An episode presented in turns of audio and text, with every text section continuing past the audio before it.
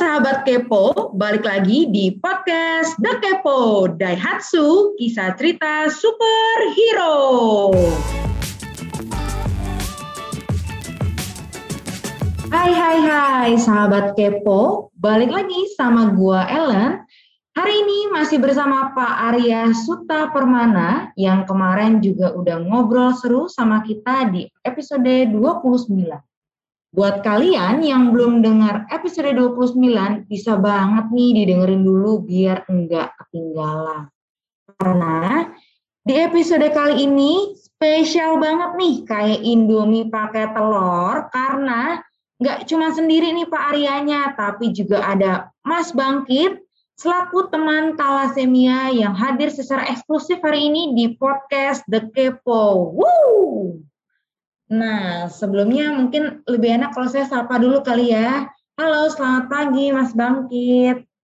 Halo Mbak Ellen, selamat pagi. Wah, ini kayak semangat banget ini ya, selamat pagi. Udah makan belum Mas Bangkit? Sudah nih Mbak Ellen, sudah dari pagi tadi makannya jam 7 pagi tadi. Wah, ini sekarang jam 8, jam 7 udah makan. Makan apa hari ini makannya Mas Bangkit? Ya hari ini makan ringan aja sih. Aku nggak terlalu makan berat kalau pagi-pagi tuh. Makan pisang goreng biasanya. Oi mantap. Pisang goreng pun minum pakai teh juga udah cukup ya. Oh, okay. Betul banget. Oke, baik sahabat kepo, di episode kali ini bakal lebih greget nih karena kita bakal tahu perspektif kehidupan teman-teman talasemia dari Mas Bangkit. Nah, langsung aja kali ya kita kepoin Nah, mungkin dari Mas Bangkit saya pengen tahu nih awal mula mengidap thalassemia itu kenapa, Mas? Ya, jadi uh, dulu itu kan waktu lahir uh, seperti layaknya bayi normal gitu, dengan hmm. badan yang sehat, uh, badannya juga gemuk gitu, bahkan lebih sehat daripada bayi uh, biasanya gitu. Hmm. Nah, lalu ketika meng, uh, menginjak ke usia satu tahun, itu mulai ada mulai ada keluhan sedikit lah badannya gitu. Yang tadinya sehat, mulai ada demam sedikit, sudah itu terus flu yang berkepanjangan. Lama-lama badannya menguning dan perutnya membuncit. Akhirnya uh, orang tua juga membawa kan karena kekhawatiran orang tua membawa uh, saya ke rumah sakit gitu pada waktu itu rumah sakit yang dituju itu rumah sakit Polri Sukanto, yaitu yang di Kramat Jati. Nah di saat itu juga dokter juga bingung kenapa anak ini uh, mukanya kuning pucat sudah gitu uh, hmm. darahnya selalu turun ketika ditransfusi darahnya turun lagi hmm. transfusi lagi darahnya turun lagi. Akhirnya saat itu juga dokter uh, bingung karena awamnya juga talasemia pada waktu itu. Akhirnya pada uh, suatu waktu dokter itu menyuruh untuk dirujuk ke RSCM untuk pemeriksaan lebih lanjut. Akhirnya pada saat itu di RSCM eh, yaitu pengambilan sumsum -sum tulang atau disebut BMT kalau nggak salah, baru di situ terdiagnosa hmm. bahwa uh, saya itu mengidap talasemia gitu, mayor. Di mana dokter bilang harus melakukan transfusi darah secara rutin seumur hidupnya Kenapa? Karena tubuh si anak ini tidak bisa memproduksi darah. Hmm. Gitu Mbak Ellen. Oke, baik. Berarti ini dari Mas Bangkit awalnya uh, seperti bayi normal biasa, cuman baru tahu pas tanggal uh, pas umur satu gitu ya.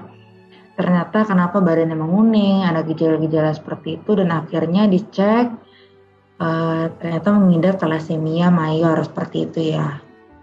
Betul sekali. Mm -hmm. Oke. Okay.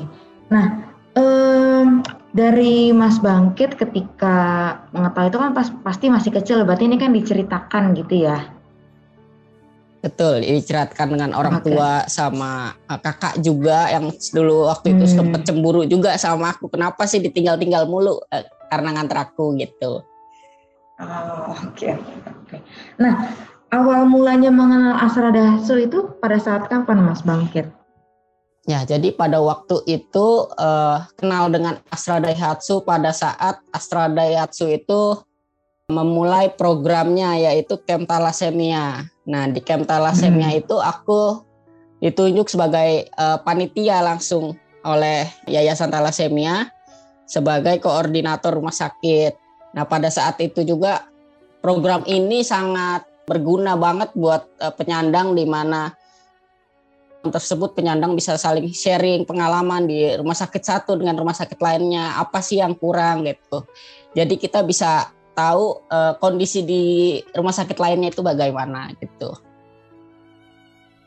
Oh, oke. Okay. berarti mengumpulkan para uh, penderita thalassemia gitu ya Mas Bangkit terus bisa saling sharing gitu ya saling support dan saling cerita pengalamannya seperti itu ya Mas Bangkit ya. Betul Mbak Ellen. Oke. Nah, apa saja sih Mas Bangkit tantangan yang biasa dialami sebagai seorang penderita thalassemia? Untuk tantangan yang dihadapi saat ini yang jelas uh, untuk aktivitas fisik sih ya, nggak terlalu bisa seperti orang normal gitu misal seperti kayak olahraga gitu kita uh, olahraga yang ringan sih seperti renang gitu terus uh, mungkin kalau jogging masih bisa mungkin kalau untuk lari sprint segala macam itu udah nggak mungkin lah gitu nah itu aja sih mungkin hmm. dari apa namanya dari kondisi fisik aja sih yang nggak memungkinkan dan hmm. mungkin juga kalau misal masih sekolah gitu uh, pada saat sebelum pandemi ya itu juga jadi tantangan tersendiri bagi uh, penyandang gimana caranya uh, biar nggak bolos gitu. Jadi kita harus bagi benar-benar waktunya biar nggak bolos terlalu banyak dalam sebulan itu. Hmm, oke. Okay. Tadi kan uh, menariknya adalah ketika olahraga cuma bisa yang ringan, mungkin kalau disuruh sprint atau lari gitu ya agak cukup sulit tuh jadinya gampang lelah gitu ya Mas Bangkit ya. Ya betul dan juga uh, membuat kondisi hemoglobinnya juga uh, mudah pecah gitu Mbak Ellen jadi hmm. uh, cepet drop lah gitu. Oke cepet tuh. Nah ini apa sih yang dirasakan dari Mas Bangke sendiri gitu mungkin melihat teman-teman bisa mungkin beraktivitas secara normal bisa melakukan hal-hal yang mungkin yang Mas Bangkit gak bisa lakukan gitu. Rasanya seperti apa? Kalau untuk perasaan mungkin lebih harus lebih bersyukur kali ya. Karena kita hmm. juga uh, dikasih kekurangan juga pasti ada sebabnya mungkin karena kita kuat gitu kan. Jadi menurutku uh, untuk perasaan yang beda atau semua orang juga punya kelebihan dan kekurangannya masing-masing gitu. Jadi uh, gimana cara kita bersyukur aja gitu Oke, Mas Bangkit mulai kapan sih mulai menerima gitu dengan keadaan Mas Bangkit? Mungkin kan pas awal-awal cukup sulit gitu ya. Mungkin ketika di tahun 2016 mungkin ya, ketika waktu itu ada acara dari uh, Camp Daihatsu tersebut dan di saat itu saya mulai apa menerima lah gitu. Jadi apa yang saya dapatkan pelayanan di Jakarta ini tidak uh, semua rumah sakit di daerah itu mendapatkan pelayanan seperti saya gitu. Setidaknya saya di Jakarta mendapatkan kemudahan hmm. sama uh, kenyamanan di rumah sakit. Oh, Oke, jadi karena merasakan kenyamanan tersebut, mulai Mas Bangkit menerima dan ya udah ini hal yang Mas Bangkit harus jalani gitu ya. Betul, dan juga kalau misal uh, kan saya mulai bergabung di YTI kan yayasan itu sekitar tahun 2017 ya ketika saya lulus SMA di situ saya membantu teman-teman untuk uh, membantu administrasinya membantu untuk hmm. uh, kelola darahnya juga. Kalau misal darah susah kita coba carikan gitu. Di situ uh, saat waktu itu saya ingat waktu itu ada satu orang tua pasien uh, saat itu sedang bulan puasa darah juga susah Uh, di situ orang tua itu udah bingung mau cari ke mana lagi darahnya karena memang uh, saudara-saudaranya ini udah donor sebelumnya karena kan harus nunggu tiga bulan ya. Dia bingung saat itu ke rumah sakit uh, dengan kondisi sudah pasrah mau gimana lagi gitu. Akhirnya tumpahlah uh, tangisan di situ orang tuanya gimana ya mas gitu. Kita kita udah bingung nyari uh, do, darah ke mana lagi darah donor ke mana lagi gitu sedangkan pasiennya itu anak usia satu tahun setengah lah. Nah saat hmm. itu saya mulai terbangun kali ya mungkin ya. Jadi hmm. berarti saya dipilih ini untuk membantu adik-adik saya gitu. Berarti ini uh, tadi Mas Bangkit cerita kalau jadi pengurus di yayasan gitu ya Perhimpunan Penyandang Thalassemia Indonesia. Nah ini uh, awalnya sendiri berarti motivasinya dari yang melihat anak-anak uh, yang mungkin kesulitan untuk menerima darah gitu ya Mas Bangkit atau ada hal ya. menarik lainnya? Ya yang utama sih itu sih ya saya melihat dari kesulitan orang tua juga melihat kesulitan teman-teman eh, adik-adik semua penyandang talasemia uh, di mana kalau mereka udah uh, udah mentok lah gitu akhirnya kondisi badannya juga nantinya juga akan tidak bagus gitu karena dari pikirannya hmm. ya saya menjaga supaya pikiran si pasien ini agar tetap uh, semangat gitu supaya juga uh, darahnya tidak mudah drop gitu dengan semangat uh, pasien itu darahnya nggak mudah drop. Itu saya yakin karena saya juga begitu gitu. Kalau saya semangat walaupun mau jalan ke sana ke sini ke sana sini tapi kalau hmm. misal kita happy itu semua enak di badan gitu. Oh, oke. Okay. Berarti kunci tetap ya uh, Mas Bangkit ya harus tetap semangat, jalaninnya happy, anggap itu seperti hal yang biasa, nanti juga bisa dijalani dengan baik seperti itu ya Mas Bangkit. Betul. Oke. Nah, mungkin ada kasih pesan kali ya buat teman-teman yang di rumah, mungkin ada yang lagi di kantor. Kira-kira sebenarnya apa sih yang dibutuhkan gitu untuk para penderita thalassemia? Jadinya kita harus bersikap seperti apa gitu, Oke. Jadi kalau untuk thalassemia itu sebenarnya mungkin penjelasan sedikit kali ya. Thalassemia itu hmm. terbagi atas tiga mayor, intermedia, dan minor. Kalau hmm. thalassemia mayor itu layaknya handphone. Dia harus selalu di charge hmm. karena kenapa? Dia tidak bisa mengisi darahnya tersendiri gitu. Kalau minor okay. ini dia cuman ada gen thalassemia aja. Kenapa uh, thalassemia minor nggak boleh ketemu sama thalassemia minor alias uh, atau menikah gitu? karena nantinya hmm. akan uh, menurunkan 25% talasemia mayor. Nah, itu yang kita cegah kelahiran talasemia mayornya gitu.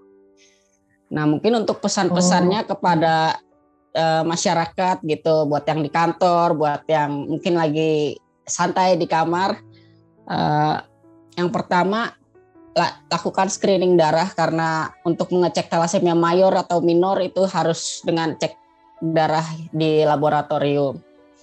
Dan jangan lupa untuk selalu donor darah karena apa itu adalah obat utama bagi penyandang talasemia.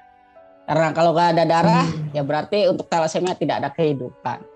Gitu, Mbak Ellen. Oke, wah ini luar biasa sekali gitu ya. Menyumbang darah yang artinya bisa membantu dari teman-teman penderita talasemia. Betul banget. Mas Bangkit, ah, oke. Okay. Nah, Mas Bangkit, apa sih pandangan Mas tentang makna hidup saat ini? Pandangan makna hidupku saat ini uh, lakukan aja apa yang kamu bisa selagi kamu mampu lakukanlah gitu. Jangan uh, menunda-nundanya. Lakukan saja yang terbaik. Uh, yakini itu gitu, Mbak Ellen. Oke, yang penting selama ada kesempatan langsung jalani, langsung bertindak gitu ya, jangan sampai ada kata penyesalan. Betul. Wah ini luar biasa sekali kita banyak dapat info gitu ya dari Mas Bangkit. Mudah-mudahan buat teman-teman penderita thalassemia yang lain juga tetap semangat, tetap juga uh, bisa menjalani kehidupan dengan segala mungkin dari segala keterbatasan yang ada tapi bisa mengambil rasa syukur. Nah, saya juga mau balik lagi ke Pak Arya nih, karena adanya kegiatan CSR Astra Daihatsu bersama teman-teman thalassemia. Kira-kira apa nih pesan yang ingin disampaikan kepada sahabat Kepo atau teman-teman thalassemia lainnya?